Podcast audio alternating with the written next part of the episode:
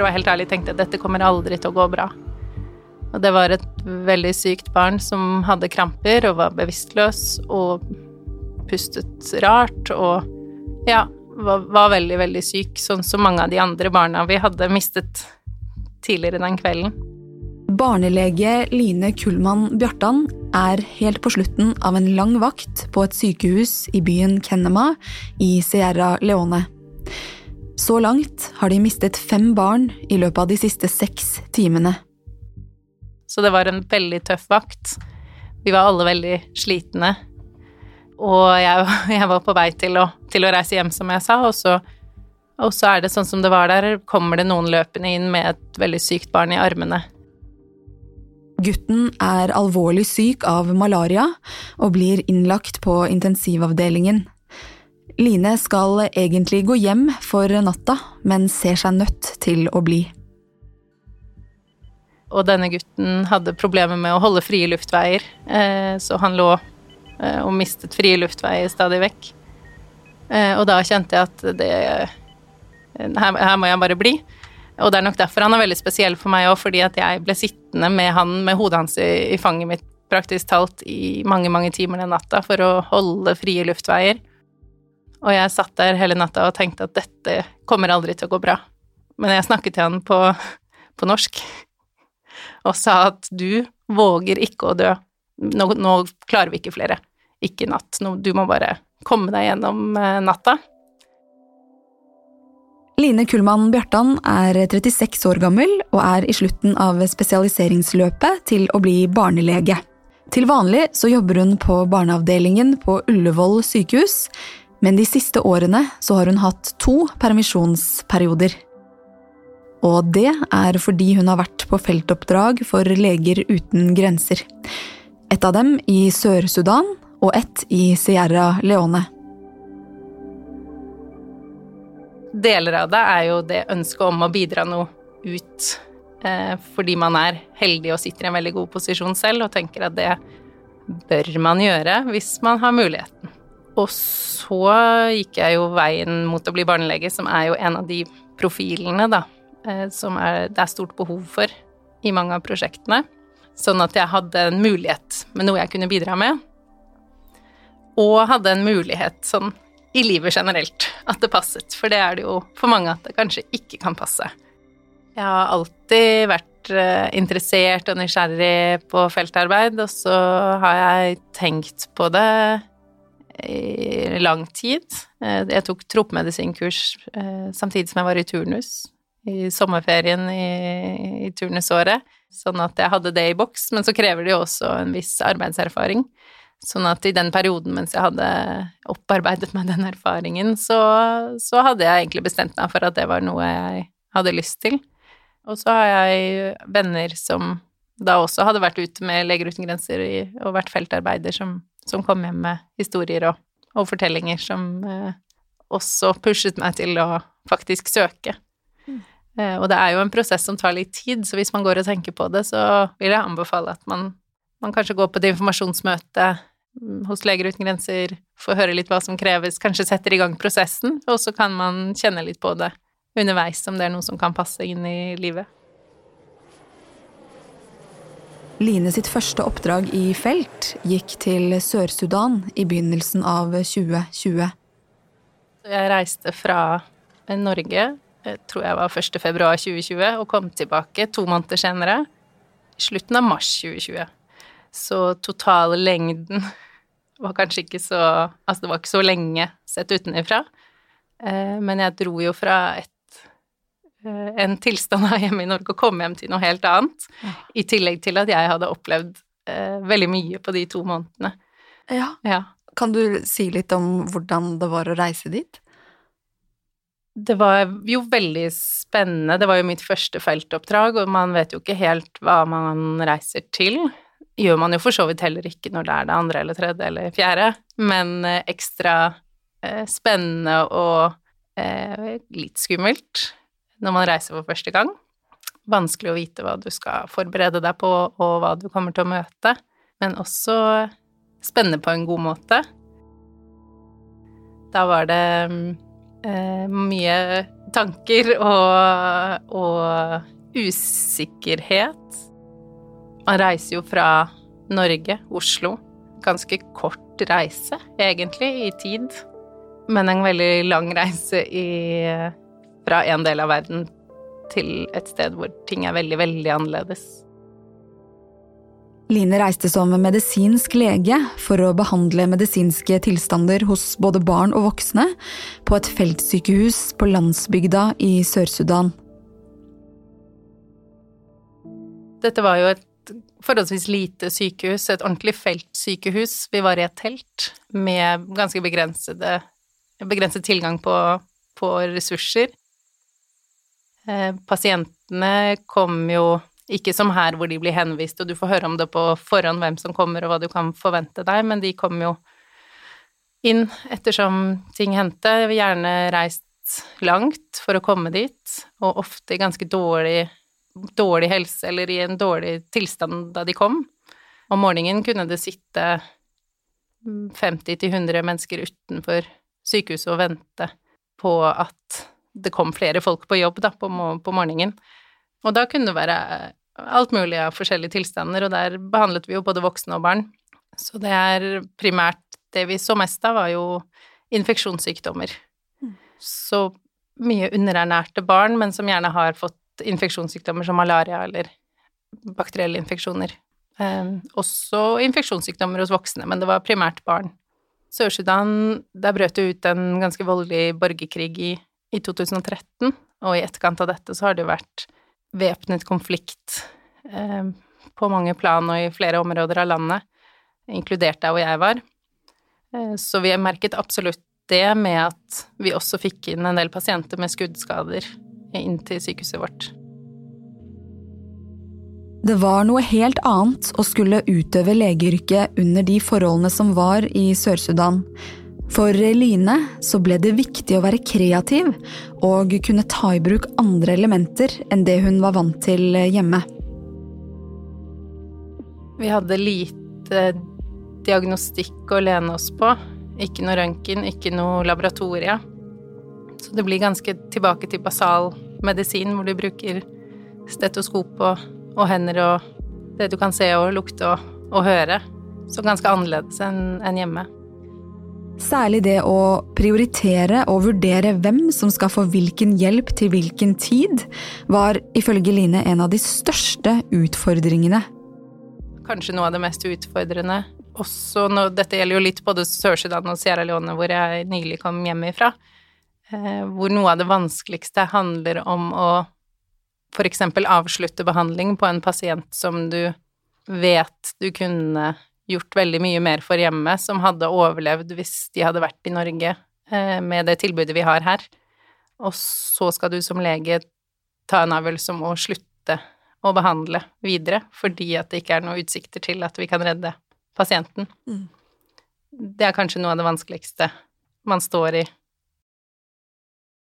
Det er jo også noe så basalt som at vi ikke hadde verken telefon eller internettilgang som gjør jo at du ikke kan slå opp i en veileder eller eh, lese deg opp på nett om en tilstand eller anbefalinger for behandling, sånn at det meste av avgjørelser må tas på det grunnlaget og den erfaringen man allerede har, og så selvfølgelig har jo Leger uten grenser sine veiledere som vi hadde i bokform, da. Når man reiser ut i felt, så er det en hel masse man kan forberede seg på, men også mye man ikke har kontroll over. Og rett før Line skulle reise til Sør-Sudan, så skjedde det en endring i situasjonen som gjorde at det hun trodde hun gikk til, ble noe ganske annet. Jeg var forberedt, og så endret situasjonen seg som gjorde at, det, at det skjedde ting som jeg kanskje ikke var så forberedt på. For eksempel så reiste jo jeg som eh, medisinsk lege, og, og i utgangspunktet skulle det være en kirurg der også, og en operasjonsstue som kirurgen da kunne behandle visse tilstander på. Eh, og like før jeg dro, så var det en eh, flom i området som gjorde at eh, situasjonen endret seg dramatisk i det området jeg skulle reise til. Sånn at da jeg kom dit, så var det som hadde vært sykehuset, ødelagt. Og da også operasjonssalen ødelagt. Og derav heller ingen kirurg. Eh, så det var jo en ting som, som jeg ikke var så forberedt på, var jo det å, å være der eh, og ta imot alle pasientene som kom, uten den eh, andre legen, da. Som i utgangspunktet skulle vært der, men som ikke hadde noe mulighet til å utføre kirurgi når man ikke hadde fasilitetene til det.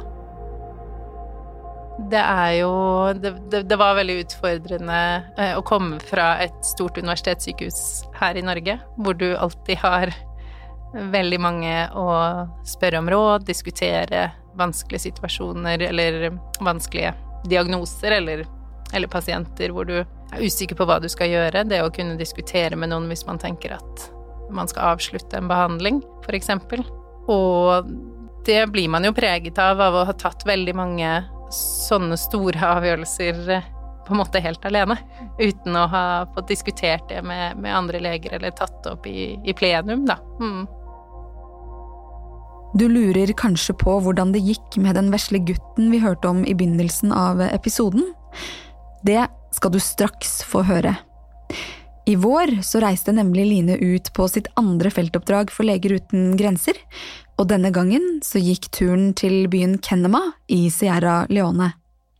Sierra Leone var veldig annerledes enn Altså prosjektet i Sierra Leone i Kennema er veldig annerledes enn der jeg var i, i Sør-Sudan. Så det Man kan, tar jo med seg erfaringen fra det forrige feltoppdraget, men samtidig veldig mye nytt. Det er et stort prosjekt, en av Leger uten grensers største prosjekter. Et stort eh, mor-barn-sykehus i Kenema, eh, drevet av Leger uten grenser. I, i Sør-Sudan så var det et feltsykehus som i et telt. I Kenema hadde vi et ordentlig stort sykehus med, med sykehusbygg. Vi hadde mm, muligheter for å ta røntgen, vi hadde laboratorie. Vi hadde mange avdelinger, inkludert en intensivavdeling. Vi var flere leger som jobbet sammen. Mange nasjonalt ansatte som hadde masse kunnskap. Sånn at det, det var veldig annerledes eh, enn en det første oppdraget mitt, da. Sierra Leone er et av landene som er hovedfokus for årets TV-aksjon. Her skal midlene gå til Leger uten grensers arbeid i både Bangladesh, Den sentralafrikanske republikk, Kongo og som nevnt også Sierra Leone. Og Line har selv erfart med egne øyne på hvilke områder det er mest behov for hjelp. Altså, Sierra Leone er jo et av landene i verden med høyest mødredødelighet og høyest dødelighet blant barn under fem år. I tillegg så har landet et ekstremt behov for helsearbeidere. Det var jo utbrudd av ebola i 2014 til 2016, hvor det døde mange mennesker og ganske mange helsearbeidere. 7% av landets helsearbeidere døde under ebola-epidemien. Sånn at det er de tre tingene, da, med mangel på helsearbeidere, mødredødelighet og barnedødelighet under fem år, som er hovedfokuset for det prosjektet. Og det er jo akkurat det vi driver med der. Men, eh, men jeg så jo en del malariapasienter i, i Sør-Sudan. Men i Kenema var det absolutt hovedvekten av pasientene våre. Det er jo mange barn som er underernært, som blir da enda sykere enn et barn som i utgangspunktet ikke er underernært, da, av en infeksjon sånn som malaria.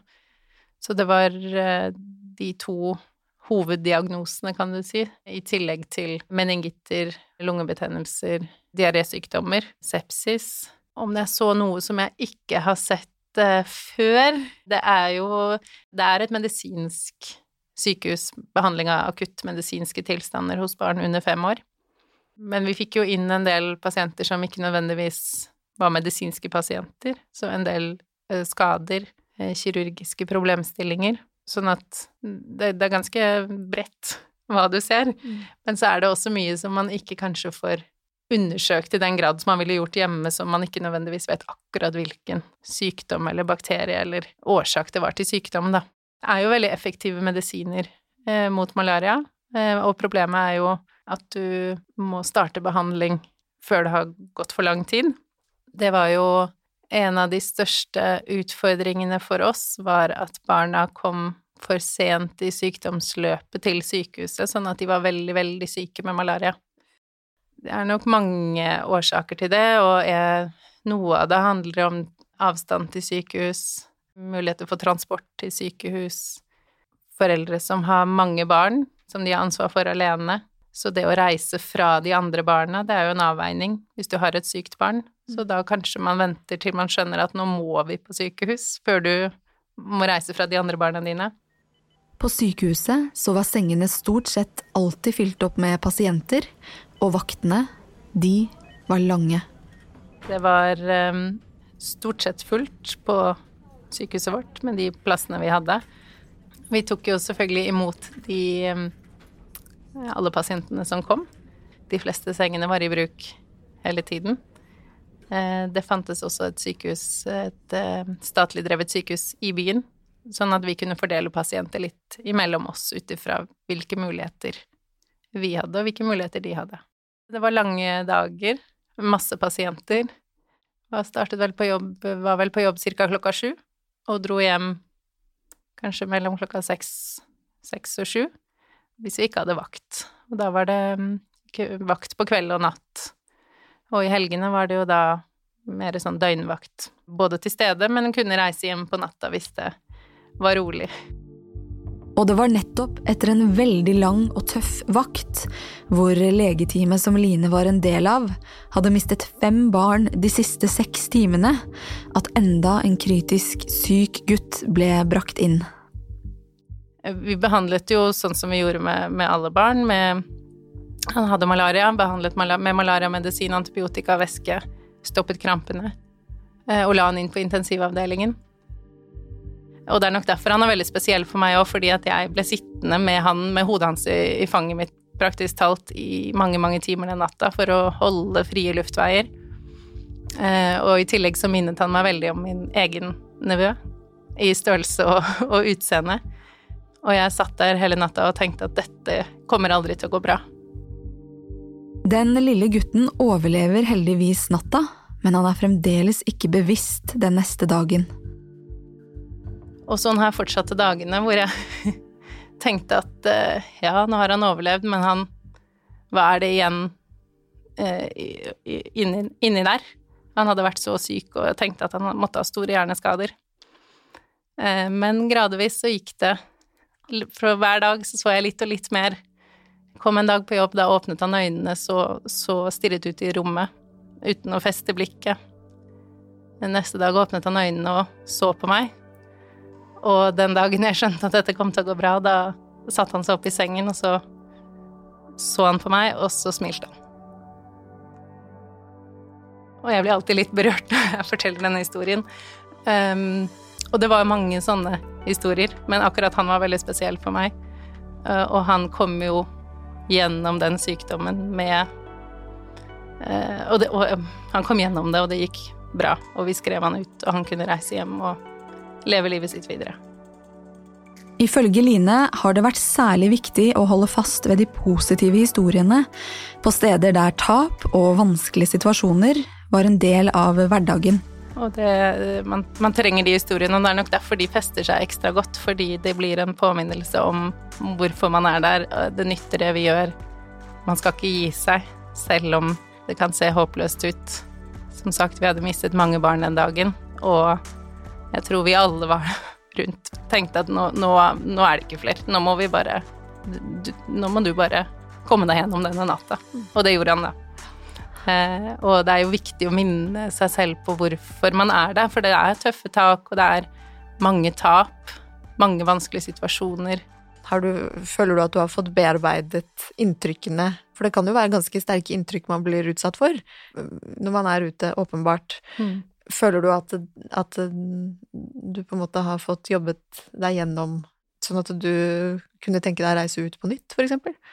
Ja, ikke sant. Det var jo I Sør-Sudan var jo ganske Var jo tøft eh, å være der, men, eh, men, jeg opplevde å få veldig god støtte av Leger uten grenser eh, her i, i Norge når jeg kom hjem igjen det er jo en sånn ettervern eller eh, psykolog, da, som er eh, ansatt på kontoret til Leger uten grenser, som er er vel en obligatorisk eh, samtale, brifing og debrifing, og så har man muligheten til å få oppfølging videre hvis man ønsker eller har behov for det.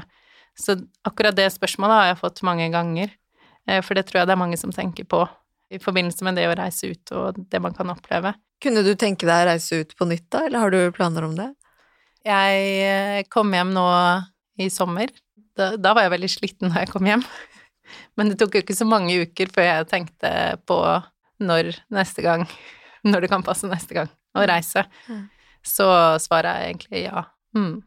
Og Line tar med seg flere nyttige legeerfaringer hjem fra sine to feltoppdrag, som hun tror hun kan få god bruk for i sin videre karriere.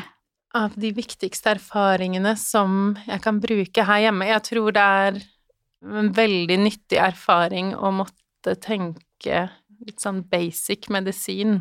At man går litt bort ifra alt av uh, fancy uh, måter å utrede på, og blodprøver og bildeundersøkelser, men at man må Man blir tvunget til å gå tilbake til basis med stetoskop og, og det man Og hender og, og anamnese og alt dette her, og hvor verdifullt det egentlig er, og hvor mye man kan få ut av det uten å ta all verdens undersøkelser.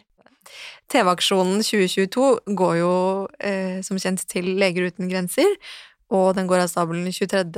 oktober. Og en av landene det er fokus på, er jo Sierra Leone. Merket du noe til det eh, da du var der?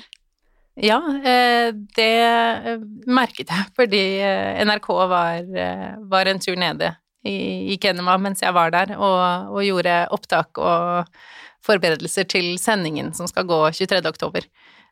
Sånn at det har jeg engasjert meg i, og håper jo at det er mange leger der ute som vil, vil være med å støtte og engasjere seg i årets TV-aksjon, som alltid er viktig, men som kanskje er vårt hjerte enda nærmere for oss leger, da, i år.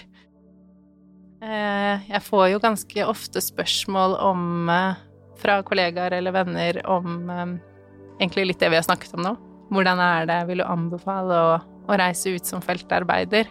Altså, jeg vil jo si ja, eh, men jeg tenker at det handler litt om din person, personlighet og hva du hva du kan stå i, og hva du ønsker å stå i, og at man må gå litt inn i seg selv, og, og helst gå på et informasjonsmøte, snakke med Leger uten grenser, se litt hva eh, kvalifikasjoner du har som det kan være god nytte for, um, og hva slags muligheter du har med, med din bakgrunn, da.